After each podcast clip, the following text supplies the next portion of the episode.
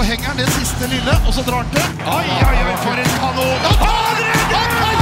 Torbjørn Bergerud redder! Er det håndballhistorie? Ja, velkommen skal du være til nok en episode av Kommentatorbua. Jeg heter som vanlig Alexander Faye Schjøll, og øh, denne uka, som forrige uke, så sitter jeg alene her hos vår produsent Moderne Media.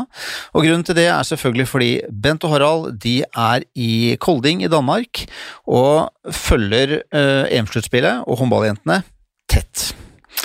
Eh, Jeg er jo selvfølgelig nysgjerrig på hvordan det går med gutta. Hva er det de har opplevd siden sist?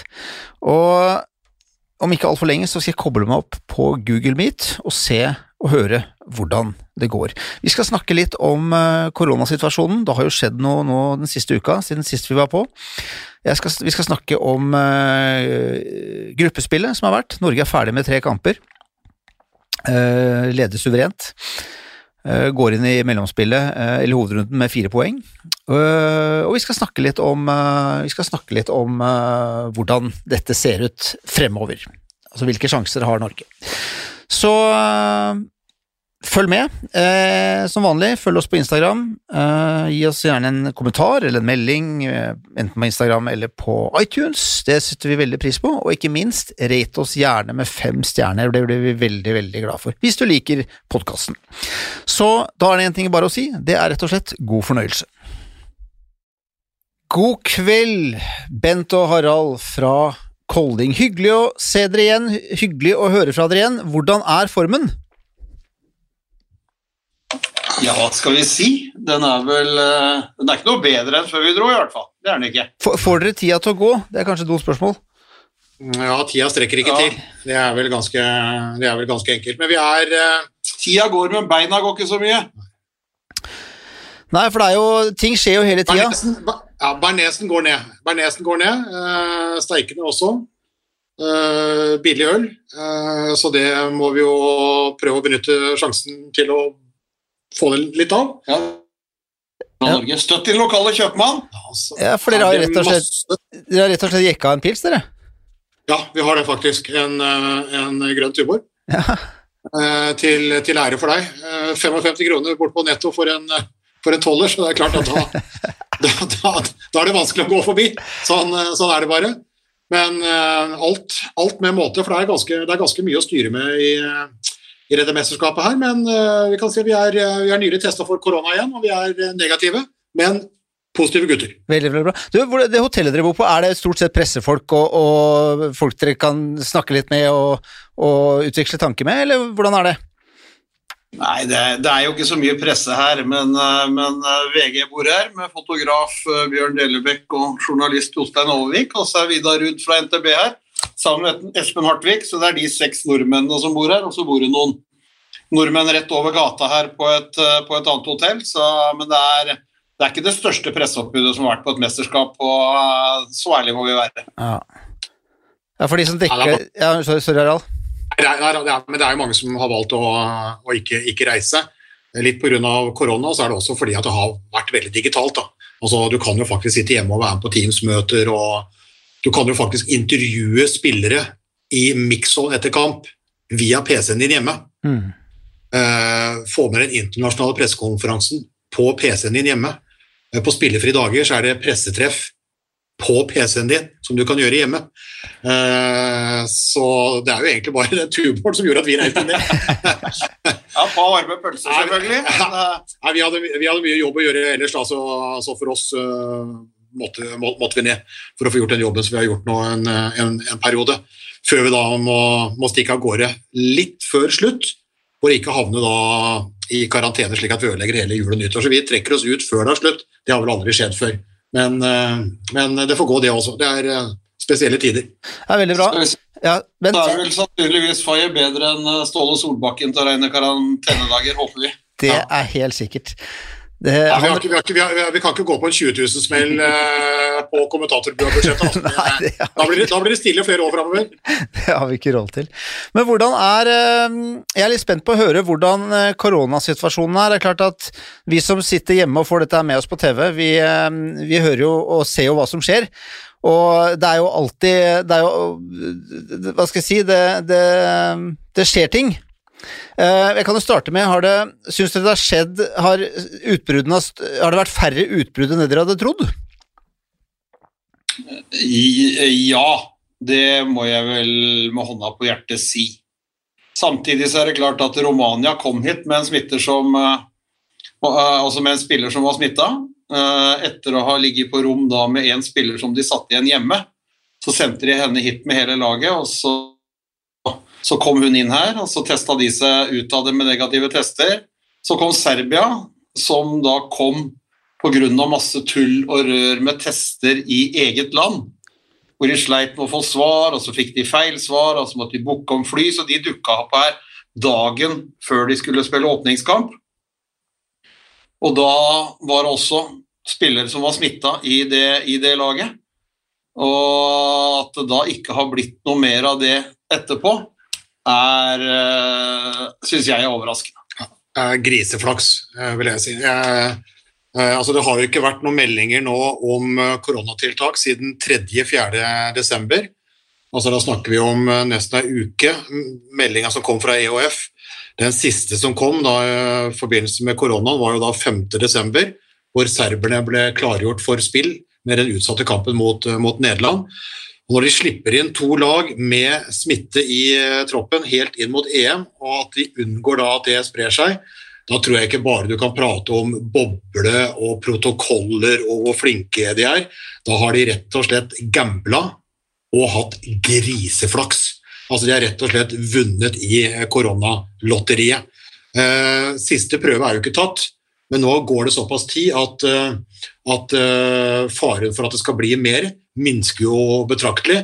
Og det er jo flott, for da kan vi fullføre dette mesterskapet her. Men jeg syns fortsatt at EOF eh, gambla, eh, og at eh, lykken har vært betydelig større enn en forstanden. Hva syns dere om eh, overtrampet til eh, Ambros Martin, da? Nei, altså jeg syns jo både han altså han, er, han er jo den som på en måte har blitt ansiktet utad på det. Det var jo også fire andre land som har gjort overtramp på, på koronaregelen, så totalt så er det fem.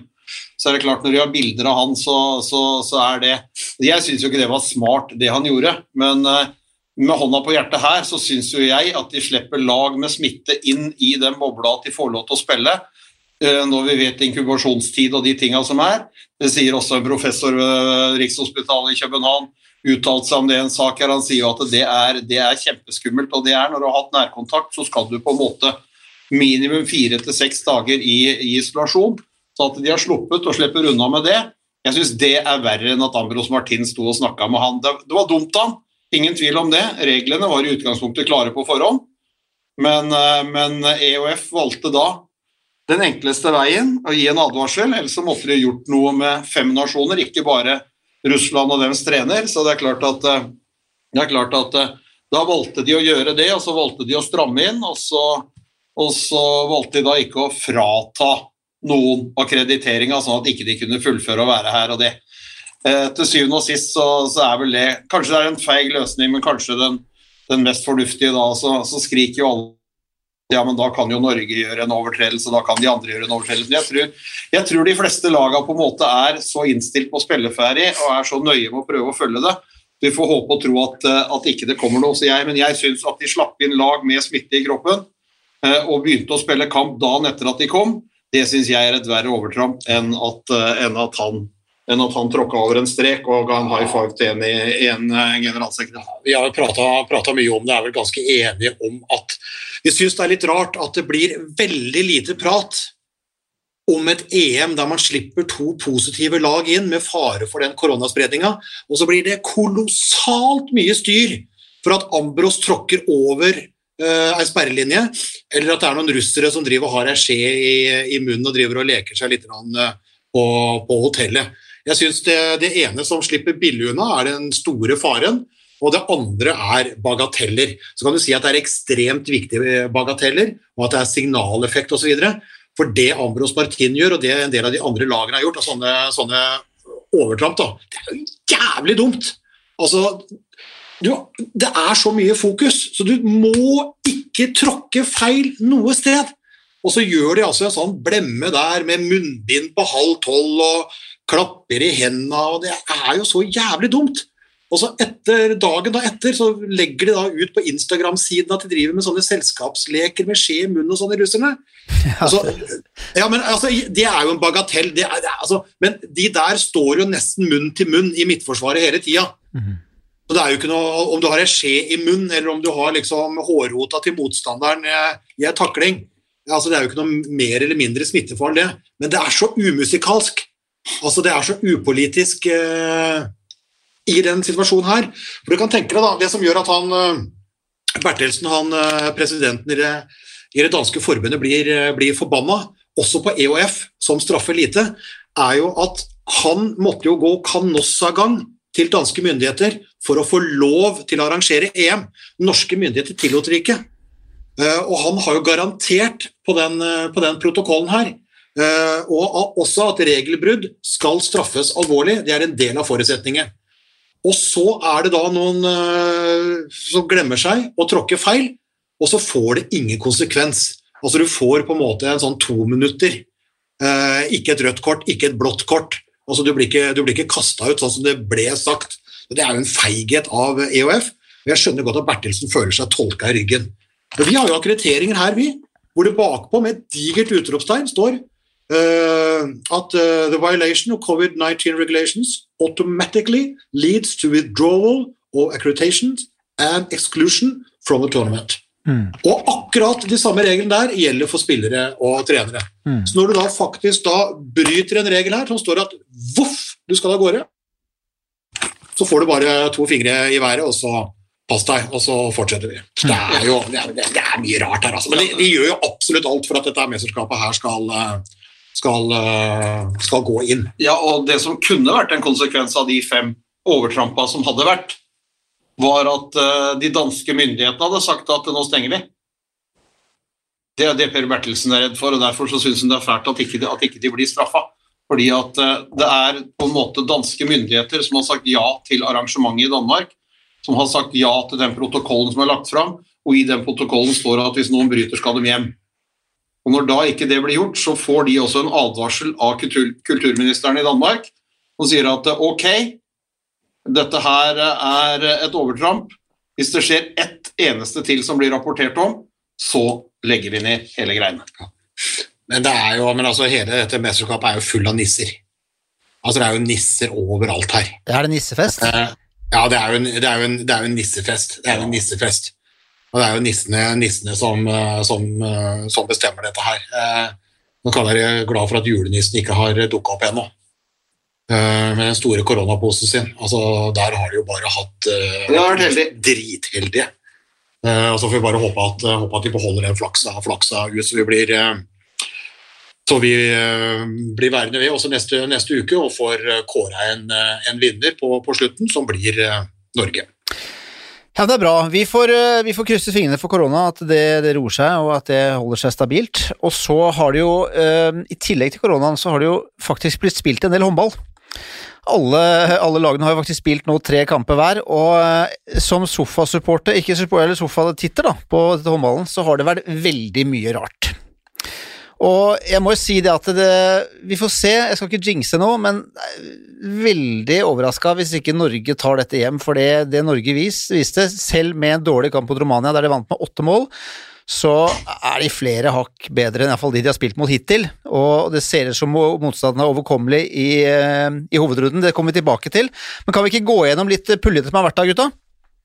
Ja, for det, det du sier der, Faye, er jo at ja, uh, altså uh, Vi hadde jo Norge som, som, favoritt før mesterskapet, med noen utfordrere. og de har jo, uh, Fordi at Norge er styrka, og flere av de andre er, er svekka. Mm. og den antakelsen har vi jo bare fått styrka i løpet av de tre første mesterskapene. Så det eneste vi skal huske på, er at selv verdens beste lag kan ha en dårlig dag. Mm. Og hvis den kommer i semifinalen eller i finalen, så vinner vi ikke. Men sånn som det ser ut nå, så ser det jo sabla godt ut. For det Norge har gjort i det gruppespillet der, er jo rett og slett å radbrekke absolutt uh, alt. Uh, og når Lunde kom inn, så ble jo livet vanskeligere for de andre og til de grader. Og de vinner altså med åtte mål over Romania i en kamp hvor da person er dritforbanna. Irritert, da. Uh, fordi at de bommer på 24 skudd, altså. De har en uttellingsprosess Ja, så vinner, 24, ja, de 24 mål. De vinner med åtte mål og bommer på 24 skudd. Det er helt sjukt. Ja, altså, altså, på, altså på en dag hvor, hvor de overhodet ikke er med i første omgang, eh, skjerper seg i andre omgang, bommer på 24 skudd, Ja. så vinner de med åtte mål mot Romania. Og det er klart, da blir det, da blir det, da blir det vanskelig å være Kroatia, Ungarn, Nederland og sånn. Altså det, de, Ja, de, ja. de skal få det tøft. Ja, de skal, få, de skal få det ordentlig tøft. og det begynte jo litt, altså, Vi slurra oss litt i grang mot Polen den første omgangen, og så var det en, en solid annenomgang i åpningskampen mot Polen. og Så kom jo på en måte den kampen som vi kanskje frykta mest, da, mot Tyskland, som har plaga Norge ved, ved flere anledninger. og og kanskje trodde på en måte at de kunne plage Norge nå igjen, men de hang ikke med et sekund. altså Den kampen var jo en, oppvisning i, i kontring, ankomstspill, eh, etablert angrepsspill som du kunne laga instruksjonsvideo. Det var, det var helt suverent. Også. Så er det jo som vi snakker om også, ja, de brant 24 skudd mot, eh, mot uh, Romania, de vinner med åtte mål. Og samtidig, men, men som, også, som også spillerne sa, altså, ja, vi spiller oss i hvert fall til gode sjanser. Det hadde vært mye verre hvis ikke vi hadde spilt oss til de gode sjansene. Så handler det litt om konsentrasjon, det handler litt om, det vet jo du, Faye, som tidligere målvakt. Hvis du bare skyter, og, og så hvis du gjør alltid samme bevegelse, så selv du kunne jo plukke litt da. Men, eh, Ja, Men, Astrid, nå drar du det langt. men, ja, men, men det er klart, hvis du på, er litt kaldere i avslutninga, henger litt lenger, gir et lite signal, får en målaktig bevegelse, så, så, så skal du på en måte ha en, så har du en bedre uttelling. Så jeg syns Norge har sett ekstremt solid. Jeg, jeg, jeg ser litt til da, altså, De er supertente mot Tyskland. Eh, De vet at det kanskje er nøkkelkampen i, i pulja. I utgangspunktet kanskje den vanskeligste motstanderen, selv om det ikke, ikke så sånn ut i, i, i målprotokollen da, når, vi, når vi tar med Romania. Eh, De er et lag som ødela EM for, for to år siden. De har tapt åpningskampen mot det før. Det er en potensiell semifinalekandidat. Da er de heltagga, og så ser vi da hva Norge kan gjøre når de er 100% på. Da ødelegger de semifinalekandidater. Altså Det var en maktdemonstrasjon ut av ville. Det er en av de kampene som vi huker av på en måte i, i beltet som de store minneverdige. Altså Tyskland har aldri tapt så mye noen gang som det de gjorde mot Norge i dette, i dette mesterskapet. Eh, Da prater vi om kvinne, kvinnehåndball. Ja, men 19 altså? Ja, eh, 19, altså det er helt, eh, det er helt kolossalt. Og så ser vi da på en måte at selv en bester ikke alltid klarer å nullstille 100 var jo da litt ukonsentrert og litt slurvete mot Romania, men selv på en sånn halvdårlig dag så, så, så drar de jo i, i, i land dette her, og, og, og da var jo Lunde på plass, og så driver Silje Solberg og trener òg. Det var sånn som Nora Mørk sa her om, her om dagen.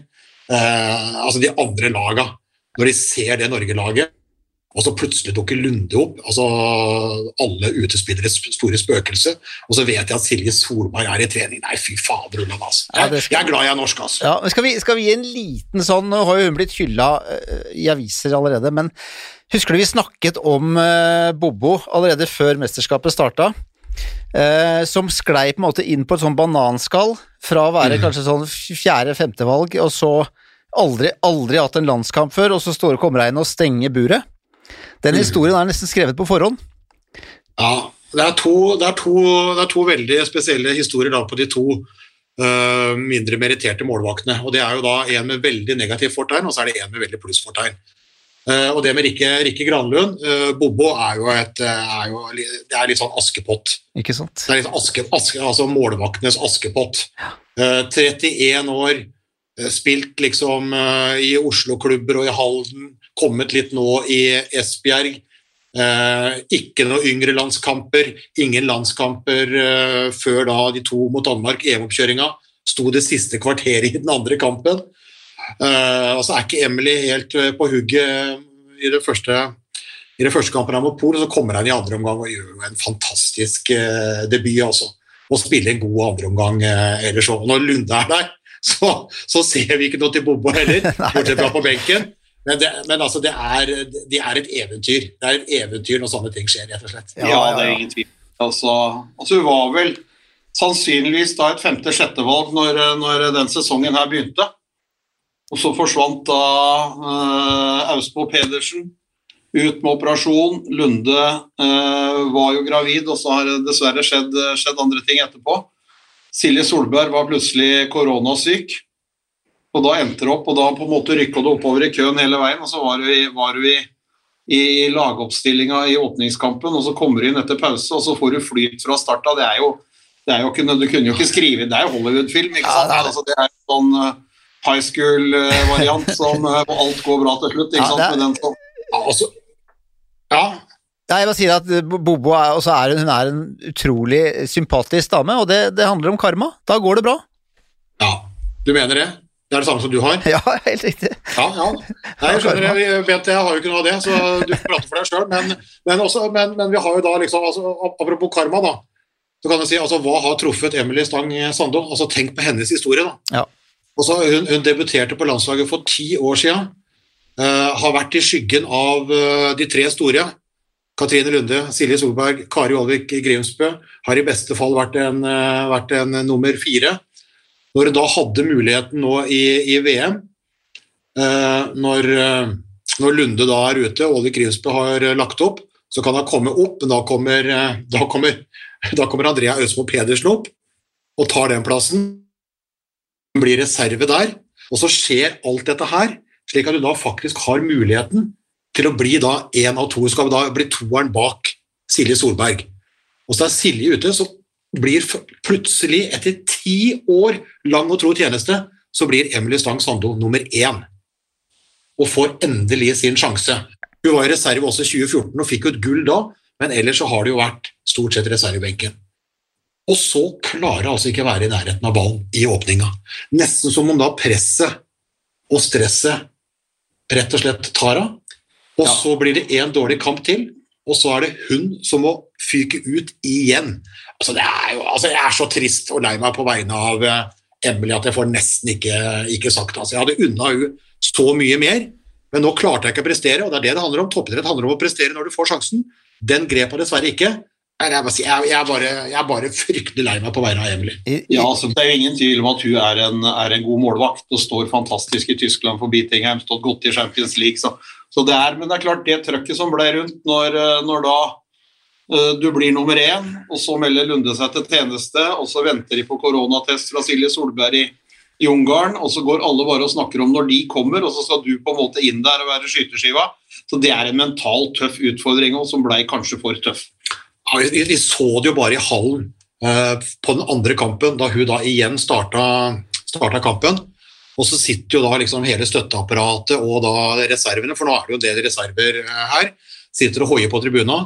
Og da går hun inn til kamp og skal vokte det norske målet, og så sitter det da for henne i gåsehudene to spøkelser, altså Katrine Lunde og Silje Solberg. De sitter på tribuna, og hun vet eh, de er, de er klare.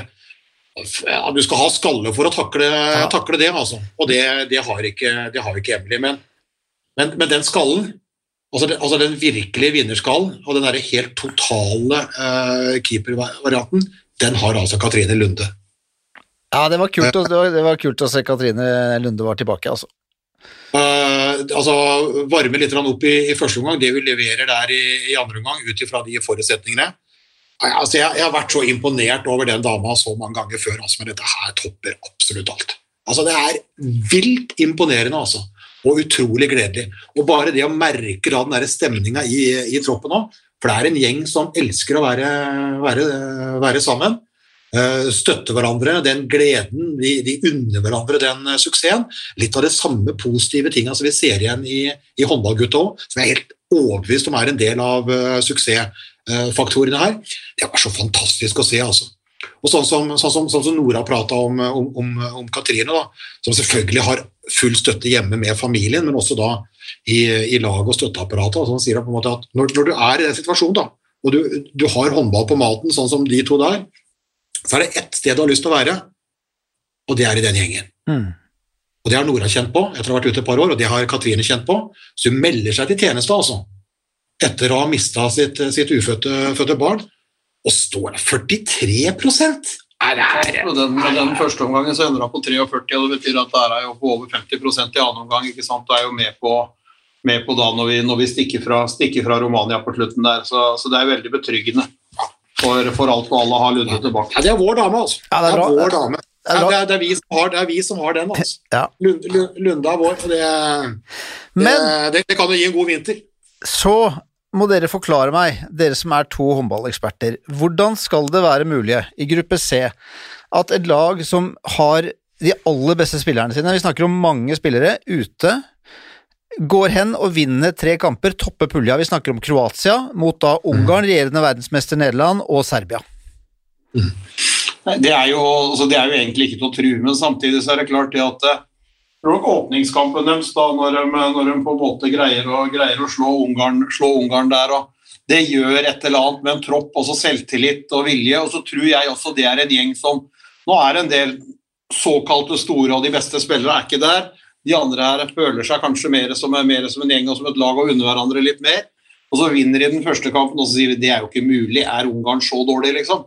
Det går jo ikke an. Og så går de bort i kamp nummer to, og så, og så vinner de igjen. Og så vinner de kamp nummer tre mot Serbia med én goal på slutten. og Da, da har du en gjeng som, er, gjeng som har flyt. Og så må vi jo se da, om de greier å plukke noe når de kommer inn i en hovedrunde. De kommer inn med fire poeng, så det er faktisk ikke så mye som skal til for at de kan, de kan blande seg inn i en diskusjon om uh, i hvert fall, hvert fall tett på femte-sjette wiener i en kamp, så er det, så er de oppi med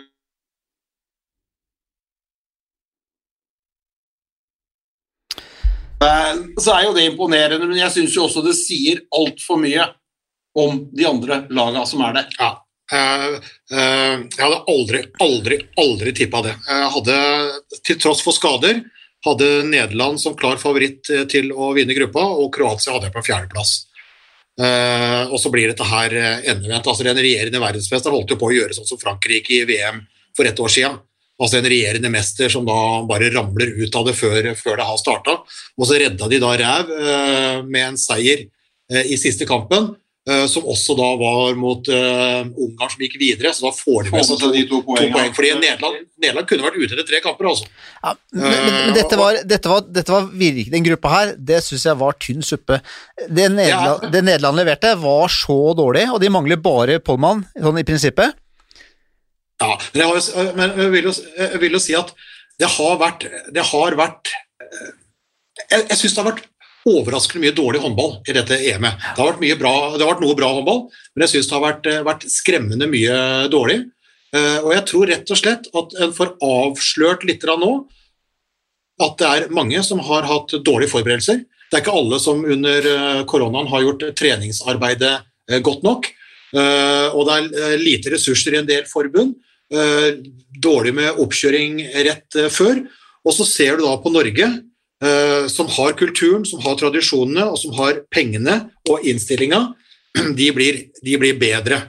For Det var jo det landslaget bestemte seg for i koronapausen, at når vi kommer ut av dette her og begynner å kaste håndball igjen, så skal vi være best trent i verden. Jeg er ikke sikker på om alle andre har eh, tenkt på det. Jeg syns jeg ser svakheter nesten over hele linja, mens Norge da både har innstillinga til å gjøre jobben, og de har pengene til å gjøre jobben. Det er ikke mange andre som kan ligge ni dager på treningsleir eh, i Danmark før EM starter. Mange kommer ramlende inn. Vi husker jo VM òg. Norge reiste jo over på akklimatisering over en uke, ti dager i forveien. Mens Kongo da kom ramlende inn eh, en halvtime. Rakk jo bare så vidt å skifte før dommeren blåste i gang det første. Etter å ha reist mer enn Skjul Vern gjorde i jorda rundt på 80 dager. Ikke sant? Eh, Så, så, så penger, er, penger er viktig her òg. Men vi har de beste ressursene, både i lommeboka og i, eh, og i hodet. Og da har vi knocka ut veldig mange andre i, eh, i koronatid. Og jeg syns den C-gruppa spesielt, da, den som Norge da skal krysse med nå, Mm, med Kroatia, Ungarn, Nederland og Serbia mm. Det har ikke, det har ikke sett bra ut. Grisen! Det har sett ut som grisen! Det har sett dårligere ut enn grisen. Ja, det har vært helt forferdelig. Og, og, og det gir jo da ganske mange muligheter da, for, for Norge. og jeg altså det, det kan jo være vanskelig, for innimellom så ramler jo Tyskland av lasset. Romania ser jo ikke bra ut. Eh, men jeg tror jo at, det er, eh, at den der C-gruppa kan få problemer i, i krysset med det. Altså jeg, jeg, altså jeg klarer ikke i mitt villeste mareritt å si at Norge skal snuble mot noe som helst av dette her. Eh, jeg tror bare triumfferden fortsetter Ja, i, i, i hovedrunden. Og så blir det spennende å se da om, om våre favoritter Vi hadde jo på en måte Norge som klar semifinalefavoritt, og så tenkte vi da Nederland eller Tyskland eh, som er ett av to lag som drar videre. Det kan fortsatt skje. Kroatia kan blande seg inn. Men jeg tror også at de skal få det tøft mot uh, Men vi er jo jeg, tror, jeg tror at den som, altså den som vinner Nederland-Tyskland-kampen, den går til semifinale. Ja, for det var det var det jeg skulle spørre om. Hva, hva, hva, tror, du, hva tror vi der, holdt jeg på å si? Nei, altså Det er veldig vanskelig, for det er et nederlandsk lag som da våkna i annen omgang mot Ungarn og greide å dra hjem den. De har noen klassespillere, syns jeg. altså De har en Tess Wester som kan stenge det buret. Og de, de, er, eh, de, de er regjerende verdensmestere. De alle sammen var med på det, mer eller mindre. Så Hvis de får inn litt selvtillit og litt greier men det er klart De hadde en tung oppkjøring, de òg. fikk ikke spilt noen kamper, fikk ikke gjort noen verdens ting. Så, så, så jeg holder øh, og, og fikk utsatt den åpningskampen. Ja, ja. ikke sant? Det er andre omgangen mot, eh, mot Serbia var helt, var helt uvirkelig. Altså, det var helt umulig. De leda med åtte og tapte. Altså, det er helt, eh, helt, helt sjokkerende. Men, men så ble jo ikke det tapet tell, tellende. Gjorde ikke det. Nei, så jeg syns, også, jeg syns ikke Tyskland har sett bra ut heller. Så et Nederland som vi får noen svar, eh, noen svar eh, når de på en måte skal ut i de første, første matchene.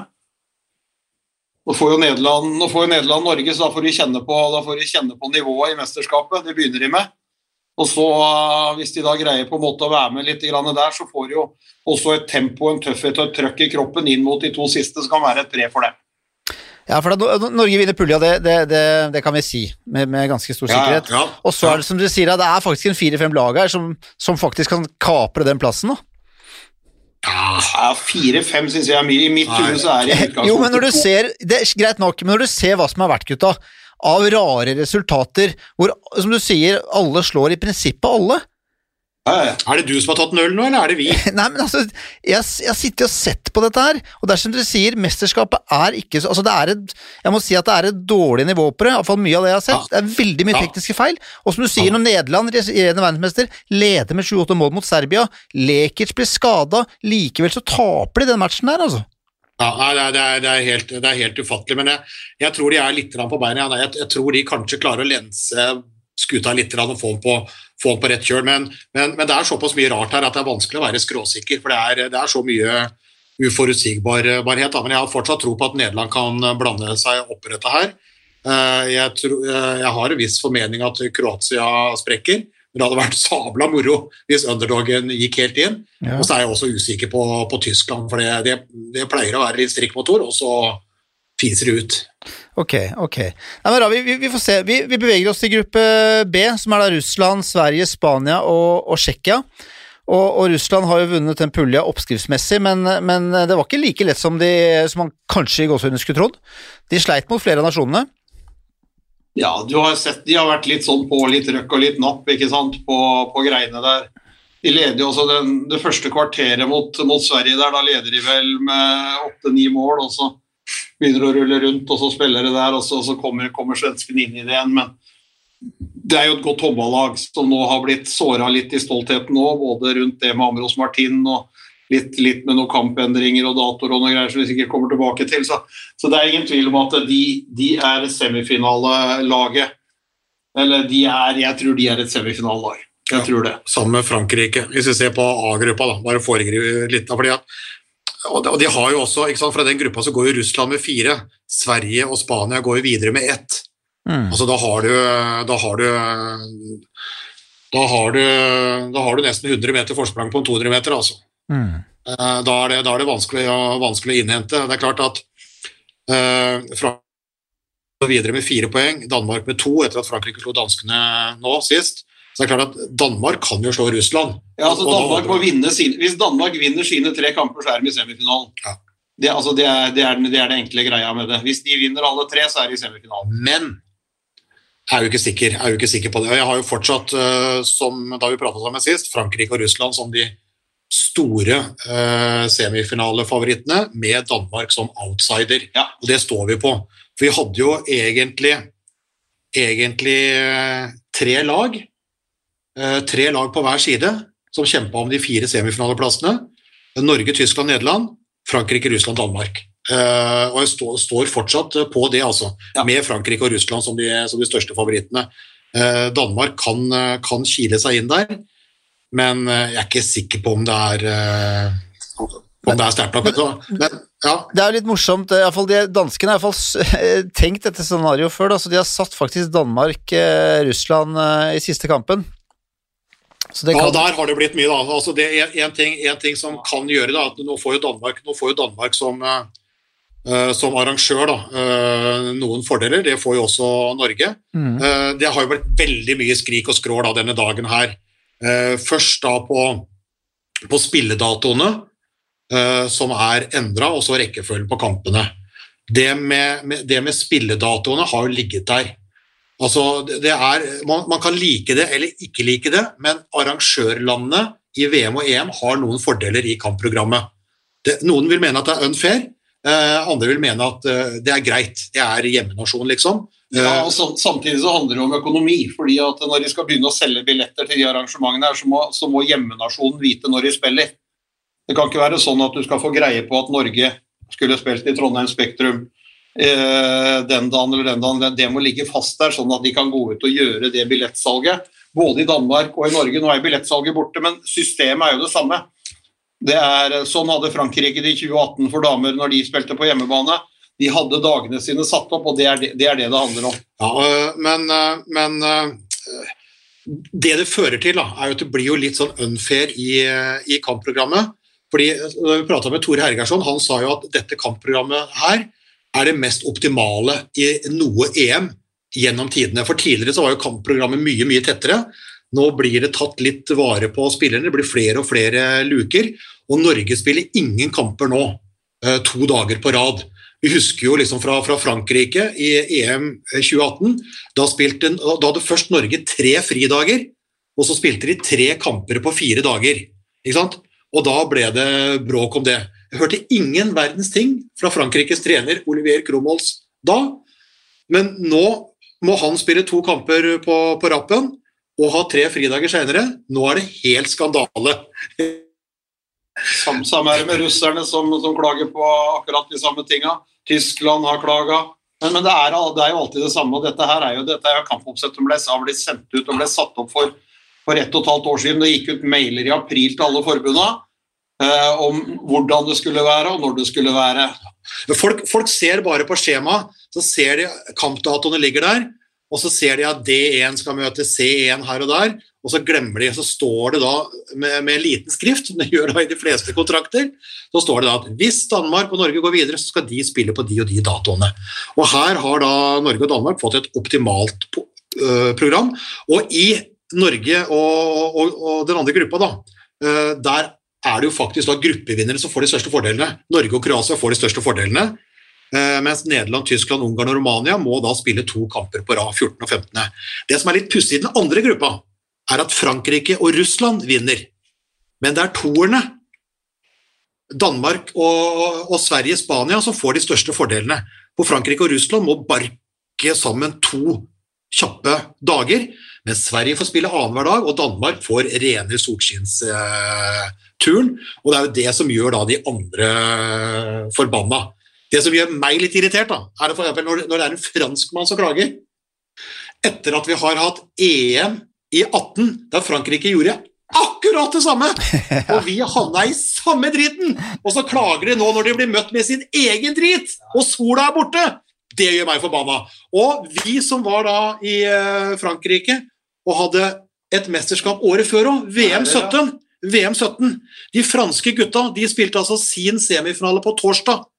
Norge spilte på fredag, og de møttes i finale på søndag.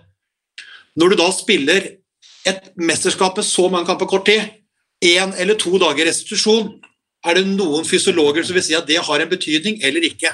Norge punkterte i den finalen. Det kan det godt tenkes at de hadde gjort uansett. Men det er klart, det er klart 24 eller 48 timer restitusjon der, det har en stor fordel. Og hvem var med som arrangør av det mesterskapet? Frankrike. Jo! Olivier Krumholz! Han var mesterskapets høye beskytter.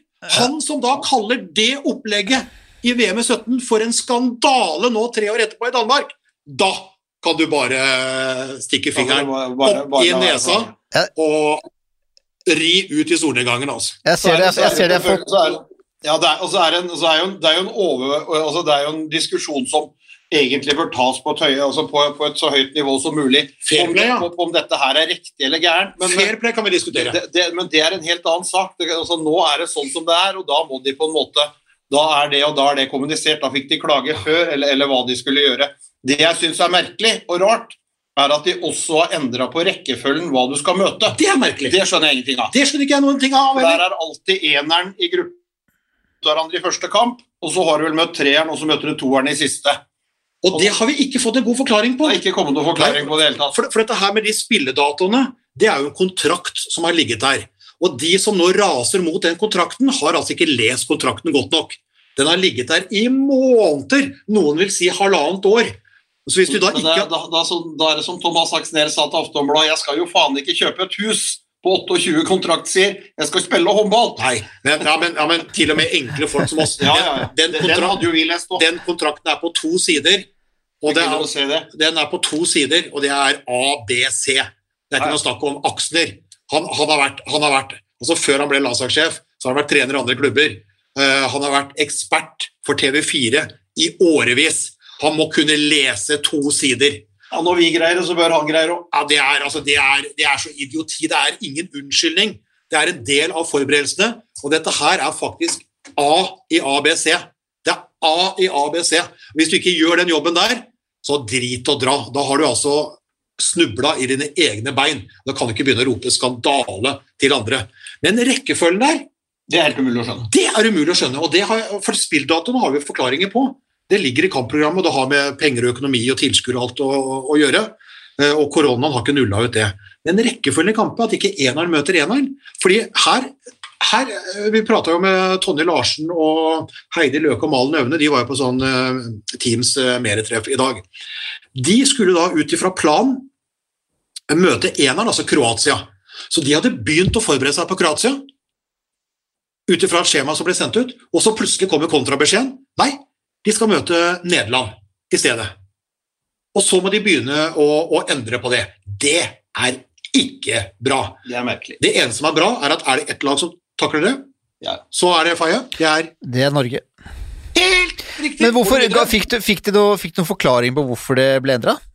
Nei, det er, det er ingen som har fått det. Så noen mener at det er matematikk for å få alle gruppene til å gå opp på de datoene Norge, Norge og, og Danmark skal spille, men, men eh, det, jeg, jeg vet ikke. Det er ikke kommet noe, kommet noe forklaring på det på noen annen måte. Men det er jo, det er jo fint for totaliteten i mesterskapet at de andre bryr seg så mye om det, og hyler og skriker så mye som de gjør, da. De andre lagene. For det, som, som Tonje Larsen sier, så Ja, nei, jeg bare tenkte at kanskje vi skulle tatt en til. Ja. Så, så Sendte, sendte du Bent etter, etter mer pris pis nå, ble Harald? fryktelig tørr, i, fryktelig tørr i kjeften. Sånn hører Den, den, er, den er uten alkohol, da, Faye. Ja, det er det. Ja. Og så, men, men, men, men, eh, men eh, der alle andre da bruker masse energi, altså på både spilledato og rekkefølgen eh, Spørsmål eh, Oliver Krumholz skriker, Martin skriker, Aksner på Sverige skriker massevis. Jeg vet ikke om spanjolene var oppe der, eller det var noen andre. Ja, Tyskland, Tyskland var Tyskland var oppe der og klagde. Oppe der og, og styra, og Norge bare sier ok, da da var det ikke Kroatia vi møtte, da vi begynte å forberede oss på Kroatia, men de forberedelsene må vi uansett gjøre. eh, Og vi har god nok tid til å Og gutter. Ja, bra. Nå, det, vi må bare beklage, det, lyden henger litt noen ganger, så akkurat de siste tre sekundene glapp, men det spiller ikke noen rolle. Uh, Men det, det var faktisk de dårligste tre sekundene vi hadde. Nei, men gutta, det er, som jeg, det er som vi snakket om, det har jo egentlig ikke noe å si hvilken, hvilken motstander Norge har først, nummer to eller nummer tre. Dette er vi godt forberedt på uansett. Ja, det er ingen, ingen, tvil om, det er ingen tvil om at vi er. Vi er godt forberedt på, på hvem vi skal møte og hvordan det skal være. Og så, og så vil vi på en måte da møte sannsynligvis enten Frankrike eller Russland i en semifinale. og Det er klart det, det er jo noe å se fram til, selvfølgelig. Jeg syns Frankrike var gode mot, mot danskene. Jeg syns de hadde et, hadde et solid forsvarsspill, slapp inn lite mål. Men, eh, men samtidig så så syns jeg Norge har holdt et høyere nivå enn noe av det andre vi har sett. Ja, Eller så fortsetter Russland med selskapslekene sine, og så er de på vei til eh, Moskva før vi vet ordet av det, og så møter vi danskene i semifinale. Det kommer også til å gå bra. Ja, ja, ja. Det her kommer Norge til å vinne, det er jeg ganske sikker på. Og Ja, vi, har, vi, har, vi har ingen gullgaranti, vi har ingen garanti for noen verdens ting, men det ser så inn i granskauen bra ut. Ja, det ser bra ut. det ser bra ut. Eh, Norge spiller i morgen klokken eh, 20.30 mot Nederland. Ja. Videre så, spiller, videre så spiller de på lørdag. Nei, unnskyld. Jo, lørdag. Mot Jo, lørdag Kroatia. 18, 15, lørdag, Og tirsdag. lørdag 18, og tirsdag. Ja, riktig. riktig. Dette her, dette her er jo helt perfekt. Ferdig med, med innledende runde. To dager fri. Den ene ble ganske fri. De reiste jo noen mil ut her på en aktivitetspark og fikk trukket litt frisk luft. For de er jo innelåst hele tida. Mm. Eh, De går jo med museskritt fra hotellet til, eh, til eh, spillebussen for å få litt frisk luft. Så de hadde en fridag, fikk liksom renska hodet og kommet litt ut i det fri. Det er nesten som å slippe ut en sånn golden retriever som har vært innelåst i 14 dager. Så det var befriende. Og så går de inn i trening og kamp igjen i dag. Og så spiller de annenhver dag, får to dager fri mellom andre og tredje kamp i hovedrunden. Og så blir det to dager fri før Ja, dette her er jo Det er helt, altså, det er helt perfekt. Det er helt perfekt for et nesten optimalt lag. Ja, det blir en bra førjulsoppladning, sånn som det pleier å være i desember. Ja, Det kan gå galt, men det gjør det ikke. Eh, ikke det. Hvordan er det med dere? dere vi skriver jo i dag eh, 9. desember. Når skal dere tilbake til Oslo? Fredag, tenker jeg. Ja, eller seil, 11.12. eller seil, så vi, må reise, vi må reise hjem i løpet av helga, hvis ikke så må vi sitte i karantene hele jul og nyttår. Da er det ti dagers karantene. Ti dagers karantene, og vi har ikke tenkt å ta en Solbakken. Vi har eh, stor sans for norske myndigheter, og Ståle Solbakken har også stor sans for. ja, vi har også veldig stor sans for eh, Ståle Solbakken. Ikke minst det han gjorde for HamKam i sin tid. Eh, Men, men vi, vi, vi går ikke på den, den karantena, den tar vi på alvor. Så hvis vi ikke skal liksom ødelegge hele jul- og nyttårshelga for familien oss sjøl, så eh, må vi dessverre kappe det siste uka, så tar vi den hjemmefra. Men nå er jo dette her et mesterskap digitalt, Ja. så du når jo, du når jo, du når jo alle, alle digitalt, så da kan vi ta siste innspurt, eh, innspurt hjemme. Banketter har vi Det har vi banketter, med, faktisk. banketter har vi, der har vi lagt opp. Ja, og vi har jo vist at dette med digitale, det, det funker jo. Vi har jo spilt inn én episode forrige uke eh, over nettet, og vi gjør jo det nå igjen, og det funker jo helt ok. Lyden var, lyden var bra. Ja, helt, helt, Helt ok. ok. Det er ikke det samme som å Nei. sitte sammen eller ha gjester, men det er, det er helt ok. Ja. Vi, får, eh, vi får prate oss tørste. Så det er, Er det det går opp? så det er helt greit. Og så ser vi da om vi tar en ny en eh, om litt. Korona, koronapod til uka. Vi ser om vi klarer det. Da er dere i karantene, så i så fall så blir det en ny, uh, ny session på nettet, men det, det bør vi klare. Men vi, vi, la, la oss se an hvordan det går, og så får dere ha lykke til med, med dekning av mesterskapet og, og koronarutiner. Ja, takk for det. Jeg har fått ryddeliste fra kona, så jeg er litt opptatt til uka også, men jeg tror jeg skal få smelt inn en pod. Ja, det er veldig, veldig bra. Det blir kult. Det blir spennende å se. Vi gleder oss til eh, mer håndball. Vi gleder oss til masse, masse moro fra, fra håndballjentene våre. Så, så tar vi det seinere. Herlig. Det er det. Herlig. Vi snakkes. Takk for nå. Ha, Hepp, hepp. ha det. Oi, oi, oi, oi. Det er råsterkt. Så henger han det siste lille, og så drar han til. Oi, oi, oi, for en kanon. Han redder! Torbjørn Bergerud redder! Er det håndballhistorie? Moderne media.